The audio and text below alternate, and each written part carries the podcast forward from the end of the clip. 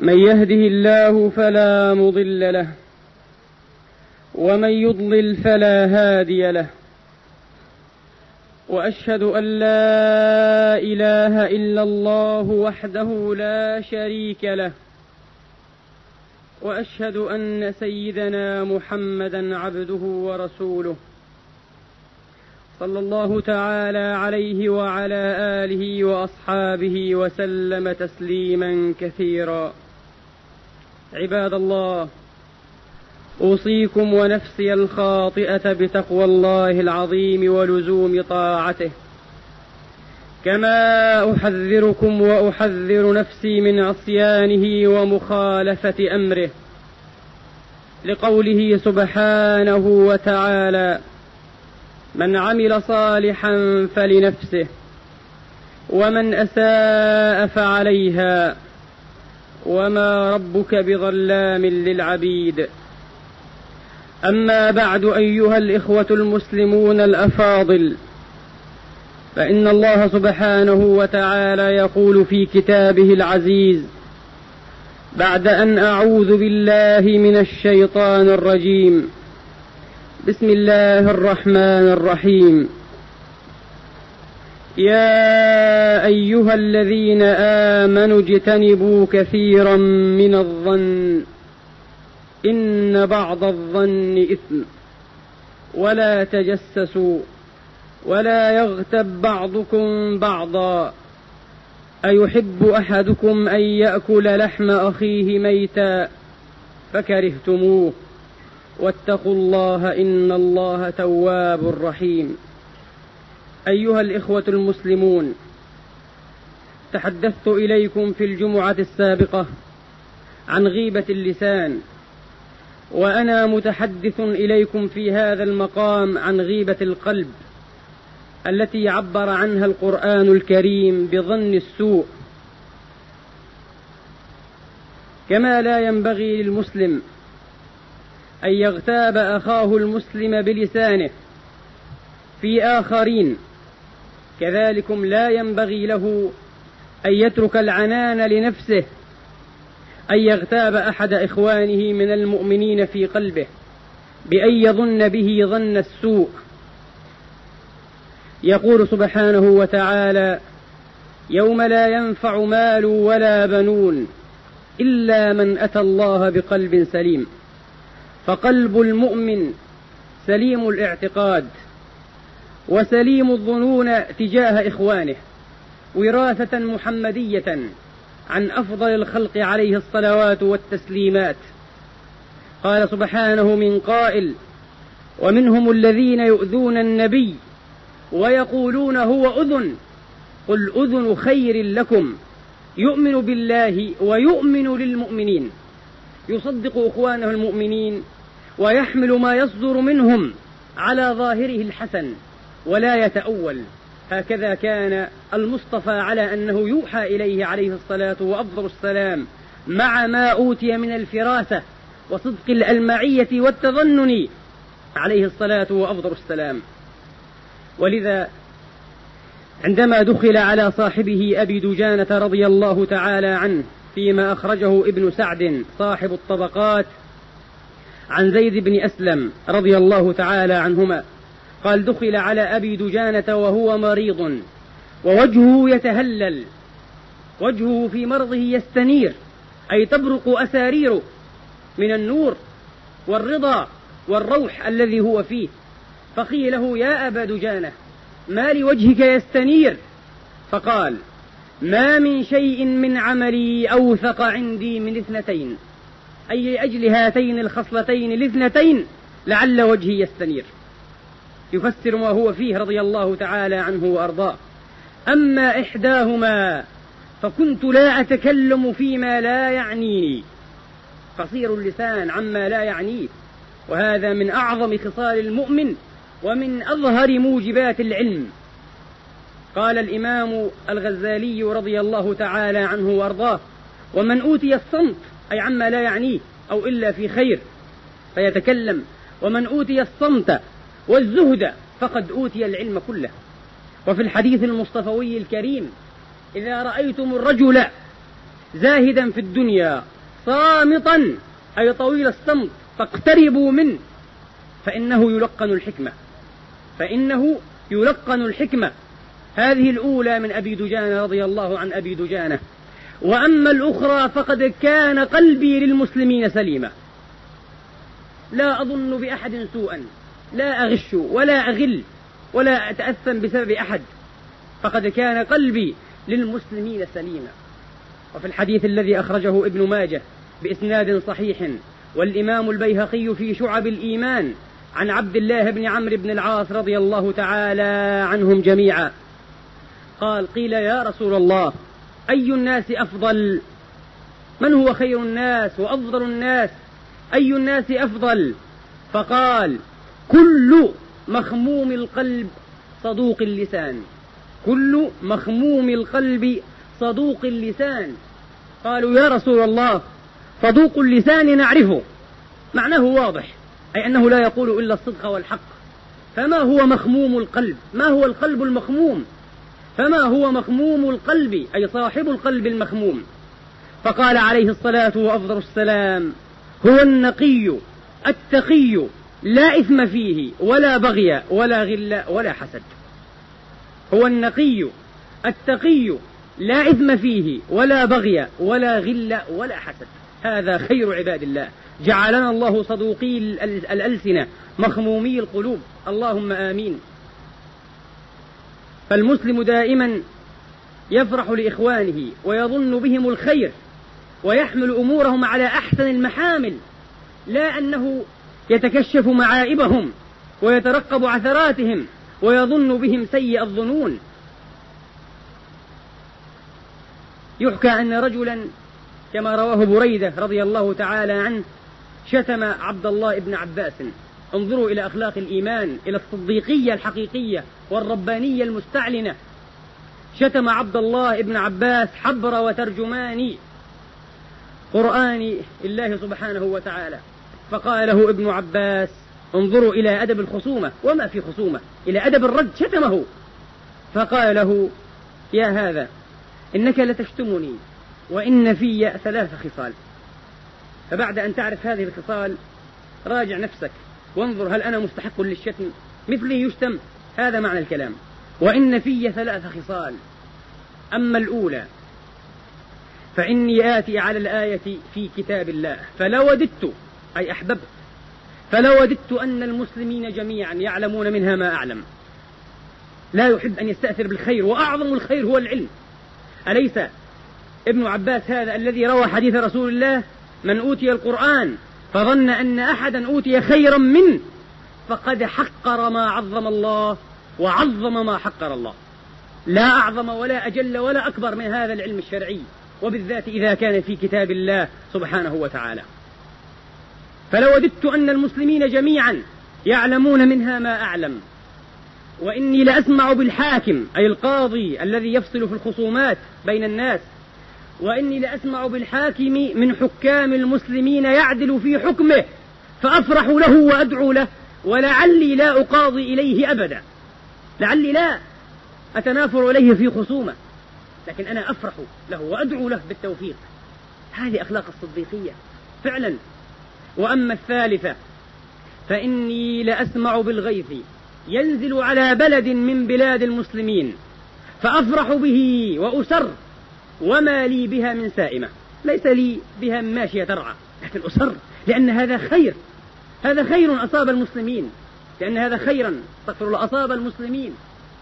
هذا هو المسلم يحب لإخوانه ويجعل ويرى نفسه ليس عضوا بل يرى نفوس إخوانه نفسه ويرى نفسه من نفوسهم.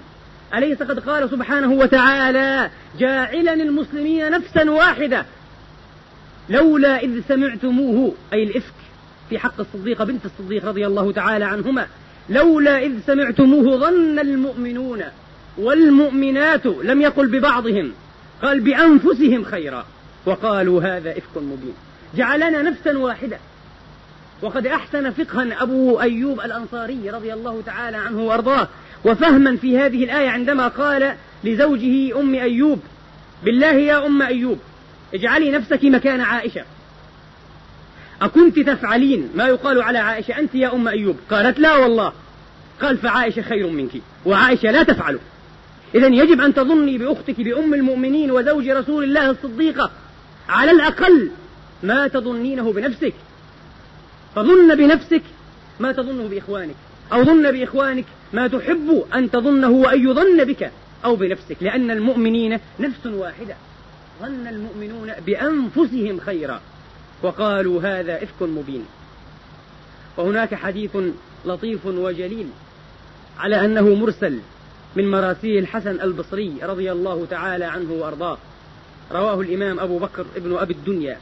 يقول فيه عليه الصلاة وأفضل السلام وأصيغ إلى هذا الحديث. يقول فيه عليه الصلاة وأفضل السلام إن بدلاء أمتي يتحدث عن نفر مخصوصين من أولياء هذه الأمة. في هذه الأمة أولياء. من هؤلاء الأولياء فرقة وطبقة يقال لهم الأبدال أو البدلاء. طبقة عظيمة رفيعة الشأن بمقام القرب والزلفى من الرب الديان لا إله إلا هو. إن بدلاء أمتي كيف يصير الإنسان بدلا؟ الصوفية تحدثوا كثيرا في هذا الميدان وهذا لا يهمنا. يهمنا أن نتلقى من سيد المعلمين عليه الصلاة وأفضل السلام شرط البدلية. إن بدلاء أمتي لم يدخلوا الجنة بكثرة صلاة ولا صيام ولا صدقة. لا ليس لأنهم بذوا وسبقوا الناس في باب العبادات أبدا وإنما دخلوها برحمة الله وسخاء الأنفس وسلامة الصدور. إلا من أتى الله بقلب سليم. قلب سليم نفس طاهرة جواني مبرأ لا يظن بإخوان الملة وأحبابه في الدين إلا كل خير إن شاء الله. وسلامة الصدور ولا يمكن بل إن مما يتنافى مع سلامة الصدر وصفاء القلب والطوية والباطن أن يظن أحدنا بإخوانه كل شر أو بعض الشر من غير بينة من غير عين مشاهدة أو بينة عادلة. فاعلموا يا إخوة الإسلام أن الله تبارك وتعالى وجل مجده قد حاط وصان أعراضكم أعراض المسلمين غاية الصيانة وسد على انتهاكها كل باب في هذه الآية التي تساوقت فيها معاني الصيانة وضماناتها خير تساوق في أعجب رصف وطرز وترتيب. يا أيها الذين آمنوا اجتنبوا كثيرا من الظن. فحرم في صدرها وفي مقدمها التخوض في أعراض المؤمنين بالظنون وبالمخايل الشيطانية والتسويلات النفسانية. اجتنبوا كثيرا من الظن. فإن قال ظان يظن الشر بإخوانه. فإن قال أنا أريد أن أتحقق. أنا لي أن أتحقق وأن أثبت. قيل له ولا تجسسوا. صيانة لأعراض المسلمين. لا تجسسوا. فإن قال أنا لا أتجسس. إلا أنني تحققت من غير تجسس. قيل له ولا يغتب بعضكم بعضا. أنظرتم إلى تساوق هذه المعاني. يا أيها الذين آمنوا اجتنبوا كثيرا من الظن. إن بعض الظن إثم. ولا تجسسوا. ولا يغتب بعضكم بعضا. وإذا خالف الإنسان المكلف أمرا المكلف لا إله إلا هو فإنه إن بدا وظن بمخايل السوء فإن هذا يقوده إلى التجسس. وإذا تجسس ربما انكشف له أخوه عن عيبة وعن جريمة وجريرة. فإذا ما انكشف له فلا نظن بمن يظن السوء. ويأتي يجترم جريمة التجسس أنه لا يغتاب بل والله يغتاب. ويفضح أخاه في الملة فتثلثت جريمته. صار مثلث الجرم ظن وتجسس واغتاب وكلها من الكبائر. فقد عد الحافظ الإمام الفقيه ابن حجر الهيتمي وليس العسقلاني في كتابه الزواجر سوء الظن الكبيرة التاسعة والعشرين من جملة الكبائر. فسوء الظن بالمسلمين من الكبائر والعياذ بالله. هذا وقد قال المصطفى عليه الصلاة وأفضل السلام محذرا عن هذا الظن مبينا أنه أكذب الحديث. إياكم والظن. فإن الظن أكذب الحديث. ولا تجسسوا ولا تنافسوا ولا تحاسدوا ولا تباغضوا وكونوا عباد الله إخوانا. كما أخرجه البخاري ومسلم ومالك وغيرهم وحديث وهو حديث مشهور لدى العامة والخاصة. إن الظن أكذب الحديث. وقد روى ابن عمر حديثه الجليل الذي تعرفون أوله. وأما آخره فربما خفي على بعضكم. الذي يقول في رأيت النبي عليه الصلاة وأفضل السلام يطوف أو يطوف يطوف بالكعبة ويقول ما أطيبك وأطيب ريحك. ما أطيبك وأطيب ريحك. وما أعظمك وأعظم حرمتك. والذي نفس محمد يعني الله سبحانه وتعالى. والذي نفس محمد بيده. لحرمة المؤمن أعظم عند الله حرمة منك. وفسر هذه الحرمة بثلاثة أشياء. هذا الذي لا نعرفه. لحرمة المؤمن أعظم عند الله حرمة منك. من الكعبة؟ ماله ودمه بدل. بدل من حرمة المؤمن ماله ودمه وأن نظن به إلا خيرا. هذا من حرمة المؤمن. وأن نظن به إلا خيرا. هذا أعظم من حرمة الكعبة. واجب حياطته لازم صيانته من كل مكلف يريد الله والدار الآخرة. وقد قال سعيد بن المسيب هذا العالم الفذ والعالم اللواح التابعي الجليل الذي لقي نفرا كثيرين من, صح من أصحاب رسول الله عليه الصلاة وأفضل السلام قال كتب إلي بعض إخواني من أصحاب رسول الله. كان بينهم مؤاخاة كتب إلي بعض إخواني من أصحاب رسول الله عليه الصلاة وأفضل السلام. أن احمل أخاك على أحسن ما تراه منه. في فعله وفي قوله. في ظاهره وفي باطنه. على أحسن ما يمكن حمله. على أحسن ما تراه منه. ما لم يأتك ما يغلبك. وسأفسر هذه العبارة في الجزء الثاني من الخطبة. ما لم يأتك ما يغلبك ولا تظنن بكلمة من امرئ مسلم وهنا في حذف أي لا تظنن بها ظن السوء أو سوءا ولا تظنن بكلمة من امرئ مسلم وأنت تجد لها في الخير محملا. إذا استطعت أن تجد لها محملا في الخير فأول واحمل هذه الكلمة أو هذا التصرف على محمل الخير. بعض الناس لا يعني أخوه قد يزل لسانه بكلمة أو يرى منه موقفا يقبل التأويل لا يؤوله إلا بشر التأويلات. ولا يؤول هذه الكلمة ولا يحملها إلا على أردأ المحامل. لماذا؟ كن عبدا مخموم القلب سليم الصدر والنفس طاهر مبرأ الباطن. واحمل ما يبدر من أخيك على أحسن محامله. ثم قال هذا الصاحب الموصي بخير وصاة رضي الله تعالى عنه وأرضاه ومن عرض نفسه للتهم فلا يلومن إلا نفسه. فهذا جاء كالاحتراز كما يقول علماء البلاغة. جاء كالاحتراز والمحاذرة لماذا؟ لأن بعض الناس لا تستطيع يا أخي المسلم إلا أن تظن بهم ظن السوء. لماذا؟ لأنهم يجاهرون بفسقهم. أترون الذي يذهب إلى الخمارات أو إلى البيوت السافلة المنحطة أو يفطر في نهار رمضان أو لا يصلي ولا يأتي للجمع ولا الجماعات. كيف نظن به الخير؟ وربما جاهر بمعاصيه بلسانه. لا تستطيع أن تظن به الخير. لذا قال عز من قائل كثيرا من الظن. اجتنبوا كثيرا من الظن. أما ما ظهرت له علامة واتضحت له سمة فهذا لا تستطيع إلا أن تظن به ظن السوء لأن فعله وظاهره يدل على سوء حاله ومسلكه والعياذ بالله. فمن عرض نفسه للريب والتهم فلا يلومن إلا نفسه فلا يلومن إلا نفسه. وقد يستدل بظاهر مسلك أو فعل على باطن خبيث. مع أنك لم ترى هذا الشيء. لماذا؟ لأنه جعل نفسه في موضع ريبة. يعني ربما تردد الشخص إلى الخمارات إلا أنه لا يسكر. فلو ظن به الناس أنه سكير يتناول هذا الخبث فإنهم غير آثمين لأنه تعرض للريبة ووضع نفسه في موضع التهمة مع أنه لا يسكر. وأمره إلى الله وأمره إلى الله. نعم لا يحق لك أن تغتابه ولا أن تقذفه بأنه يزني أو يسكر أو كذا حتى تأتي بعين مشاهدة وبينة عادلة بشرطها عددا وكيف؟ والله تبارك وتعالى أعلم. فالظن يا إخواني هو أكذب الحديث وهو أملية وألقية إبليس. إبليس يلقيها إلى النفس ويقرر في القلب بمخيلة أي بالظن بمخيلة السوء معاني وأحوالا ومسالك في أخيك أو في بعض إخوانك أو في جماعة من المؤمنين والعياذ بالله. فأول ما يجب عليك أن تتفطن له وتتنبه أن هذا أفسق الفساق. قال عز من قال إن جاءكم, إن جاءكم فاسق بنبأ. وإبليس أفسق الفساق. فعليك أن تكذب ألقيته وأن تكذب هذه الأملية منه. لأنه إبليس ولأنه لا يقول إلا باطلا ولا يعد إلا بشر. لعنة الله تعالى عليه إلى يوم الدين. لكن بعض الناس يحتال عليهم ويلبس عليهم وربما لا ينجو من هذا إلا الموفق المسدد فيقول له لا أنت لا تظن السوء أنت رجل فطن. أنت رجل ذو زكانة. أنت رجل صاحب فراسة صاحب فراسة. أنت رجل صاحب فراسة. وإنما تعرف هذه الأشياء بفراستك وأنت تنظر بنور الله. وإذا تكلمت فأنت متكلم بنور الله ومن توفيق الله. لا والله لا والله. ما ينظر إلا بغرور الشيطان وظلمته.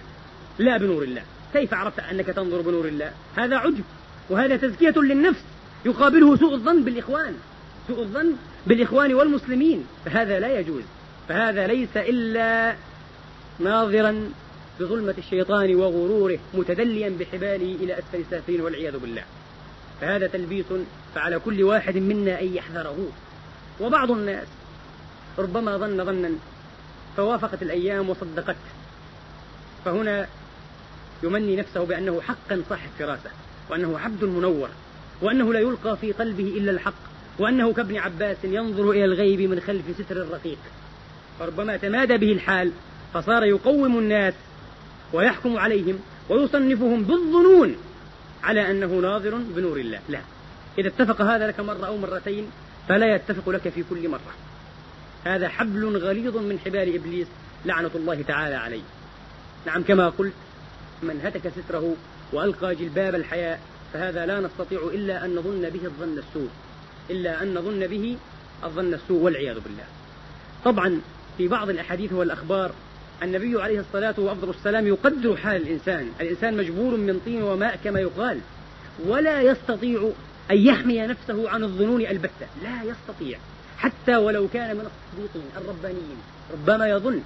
فهذا عبد الله بن عمر رضي الله تعالى عنه وأرضاه كما أخرج الطبراني بإسناد رجاله ثقات. عن أبي حازم قال اشترينا بيتا من عبد الله بن عمر رضي الله تعالى عنه وأرضاه. قال فجلس على الباب.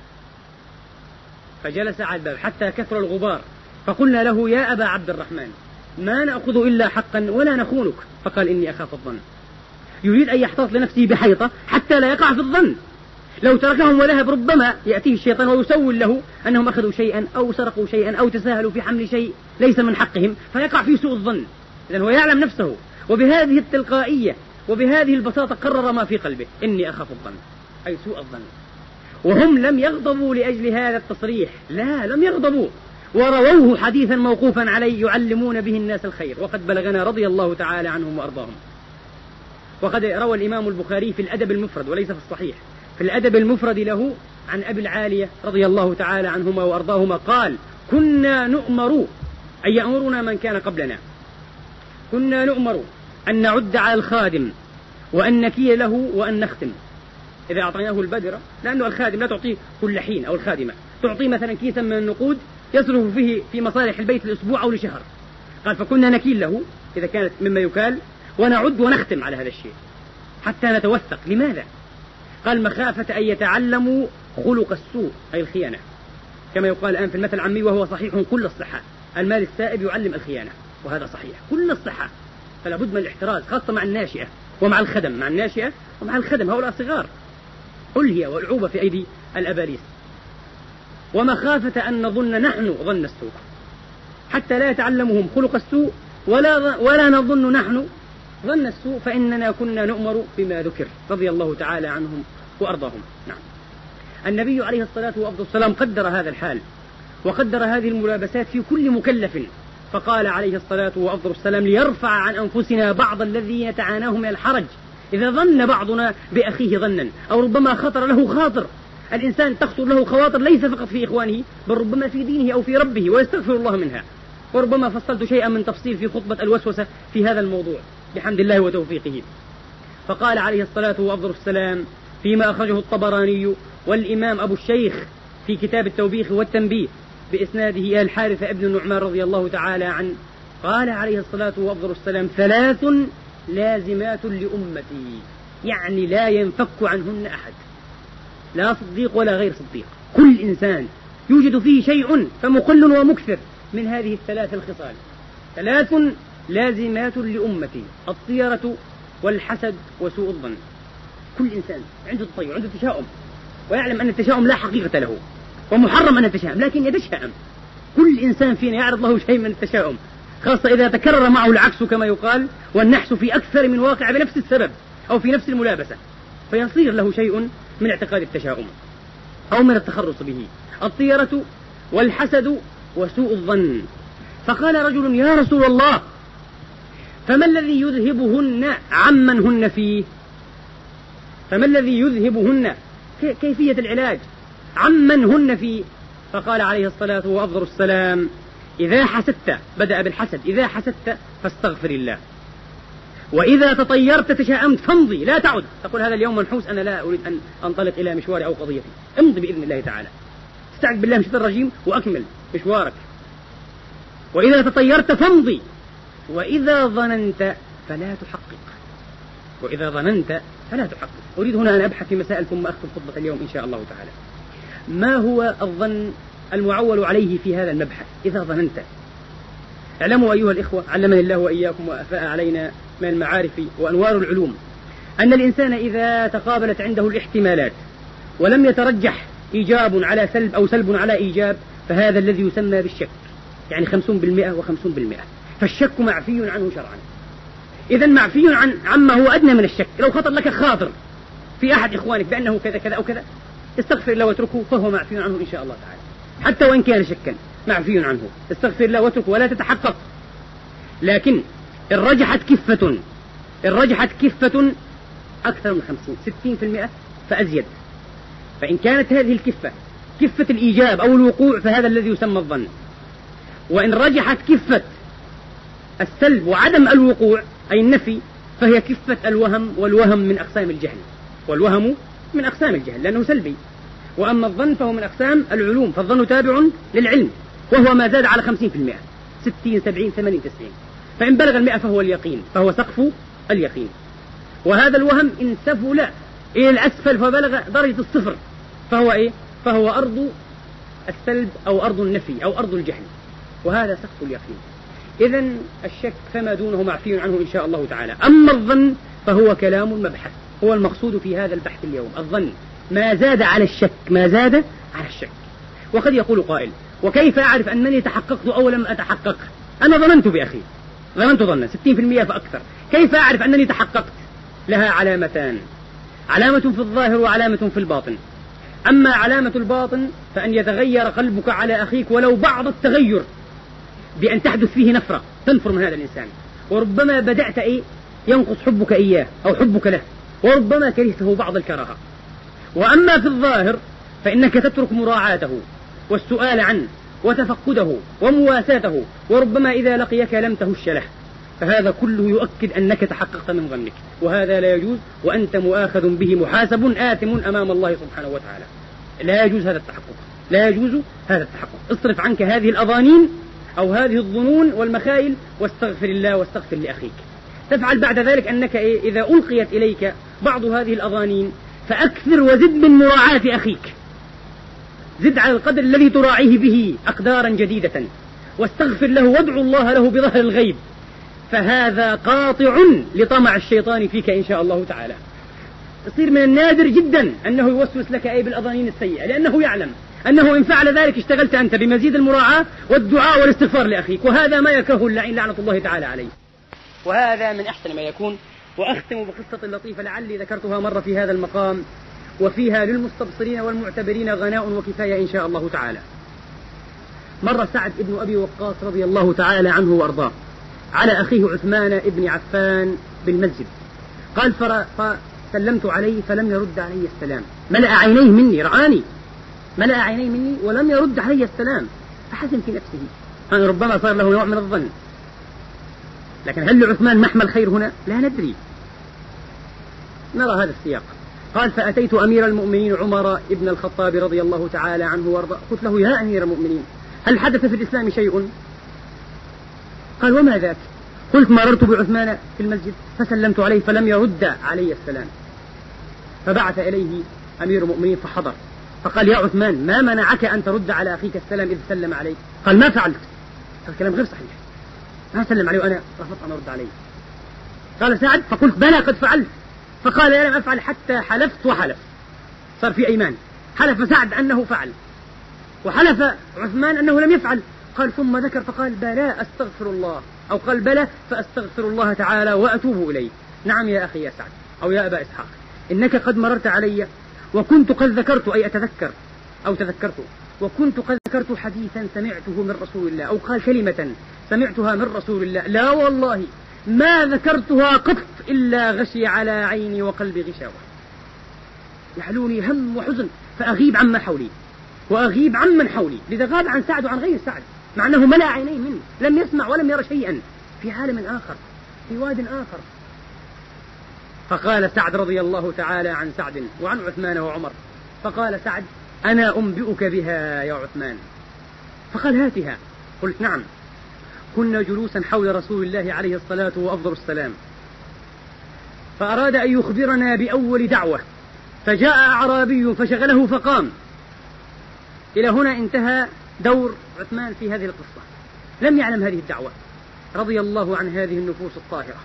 قدس الله هذه الأرواح المبرأة الماجدة. ما كان أشوقهم إلى الخيرات. وما كان أشد ظماءهم وتعطشهم إلى الكمالات. أمن أجل حديث واحد يا ابن عفان كان هذا الغم والحزن؟ حديث واحد معلومة واحدة غاب عنها تغمه سنين. بهذا سبقونا وبهذا استحقوا أن يكونوا أصحاب محمد عليه الصلاة وأفضل السلام.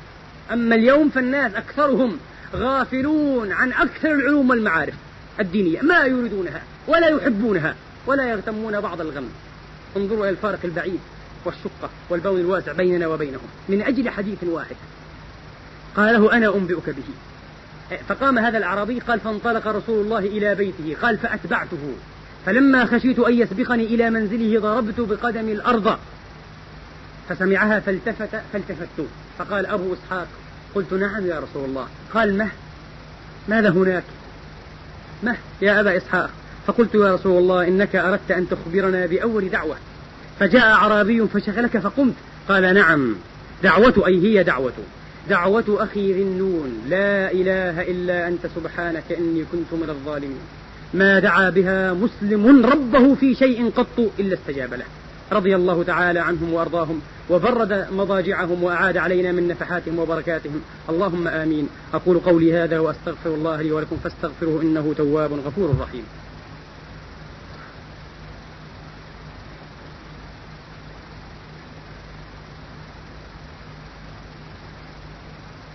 الحمد لله رب العالمين الحمد لله الذي يقبل التوبة عن عباده ويعفو عن السيئات ويعلم ما تفعلون.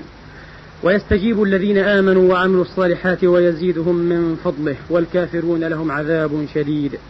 وأشهد أن لا إله إلا الله وحده لا شريك له. وأشهد أن سيدنا وحبيبنا محمدا عبده ورسوله وصفوته من خلقه ونجيبه من عباده. صلى الله تعالى عليه وعلى آله الأكرمين الطيبين الأجواد. وعلى أتباعهم بإحسان إلى يوم الدين. اللهم إنا نرغب إليك ونبتهل أن تصلي وتسلم على سيدنا شرف الموجودات وفخر الكائنات محمد بن عبد الله وعلى آله صلاة وسلاما كلما ذكره الذاكرون وكلما غفل عن ذكره الغافلون. اللهم أعنا على ذكرك وشكرك وحسن عبادتك. اللهم اجعلنا هداة مهديين غير ضالين ولا مضلين. سلما لأوليائك وعدوا لأعدائك. اللهم حقق بالزيادة آمالنا واقرم بالعافية غدونا وآصالنا واختم بالباقيات الصالحات أعمالنا. اللهم ربنا آتنا في الدنيا حسنة وفي الآخرة حسنة وقنا عذاب النار. اقسم لنا من خشيتك ما تحول به بيننا وبين معاصيك ومن طاعتك ما تبلغنا به جنتك ومن اليقين ما تهون به علينا مصائب الدنيا. ولا تجعل مصيبتنا في ديننا ولا تجعل الدنيا أكبر همنا ولا مبلغ علمنا. ولا تسلط علينا بشؤم ذنوبنا من لا يخافك فينا ولا يرحمنا. اللهم إنا نسألك الهدى والتقى والعفاف والغنى. اللهم إنا نسألك علما نافعا وقلبا خاشعا وعينا دامعا وعملا متقبلا ودعاء مستجابا. اللهم اغفر لنا ولوالدينا وارحمهم كما ربونا صغارا. اجزهم بالإحسان إحسانا وبالسيئات غفرانا. واغفر اللهم للمسلمين والمسلمات المؤمنين والمؤمنات الأحياء منهم والأموات. بفضلك ورحمتك إنك سميع قريب مجيب الدعوات. اللهم إنا نسألك فعل الخيرات وترك المنكرات وحب المساكين وأن تغفر لنا وتتوب علينا وترحمنا. وإذا أردت إلهنا ومولانا بعبادك فتنة فقبضنا إليك غير مفتونين. اللهم إنا نسألك ونبتهل إليك أن تنصر الإسلام والمسلمين. يا حي يا قيوم يا عزيز يا جبار يا منتقم. انصر من نصر الدين واخذل من خذل الموحدين. ربنا آتنا من لدنك رحمة وهيئ لنا من أمرنا رشدا. اللهم أعذنا من شر نفوسنا يا رب العالمين. عباد الله إن الله يأمر بالعدل والإحسان وإيتاء ذي القربى وينهى عن الفحشاء والمنكر والبغي. يعظكم لعلكم تذكرون فستذكرون ما أقول لكم وأفوض أمري إلى الله. إن الله بصير بالعباد. اذكروا الله يذكركم واشكروه يزدكم وقوموا إلى صلاتكم يرحمني.